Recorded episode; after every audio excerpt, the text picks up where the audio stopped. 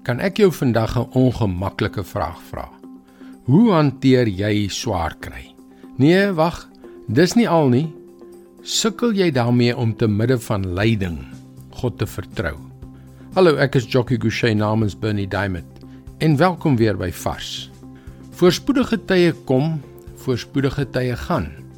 Probleme kom en soms lyk dit of hulle aanhou en aanhou en aanhou. Ons worstel met hulle. Ons pleit by God om hulle weg te neem. Ons verloor moed en ons wil handdoek ingooi. Here, wat maak U? Maar het jy al ooit gedink dat God dit vir jou eie bes wil doen en dat ons besig is om teen hom te werk eerder as om saam met hom te werk?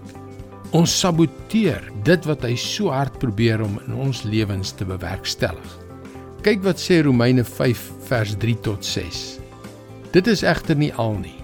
Ons verheug ons ook in die swaar kry want ons weet swaar kry kweek volharding en volharding kweek egtheid van geloof en egtheid van geloof kweek hoop en die hoop beskaam nie want God het sy liefde in ons harte uitgestort deur die Heilige Gees wat hy aan ons gegee het.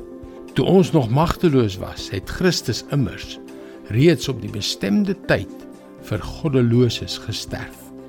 Hier is die kern van die saak. Ons kry eers vrede in ons hart wanneer ons gedurende daardie swaar tye besluit om op God te vertrou en te glo dat hy weet wat hy doen. As ons geduldig aan God vashou, kry ons hoop, regte, rotsvaste hoop wat ons nooit teleur sal stel nie. En dan kom die Heilige Gees skielik en stort die liefde van God wat daar in Jesus Christus is in ons harte uit. Dit is die vrug van geloof. Dit is God se woord vars vir jou vandag. Ek weet nie van jou nie, maar ek het God se wysheid en bemoediging nodig.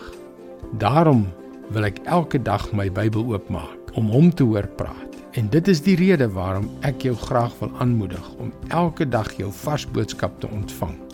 Teken in op ons webwerf varsvandag.co.za en ons stuur elke weeksdag 'n boodskap na jou e-posbus om jou te help op jou ontdekkingsreis van wie God werklik is.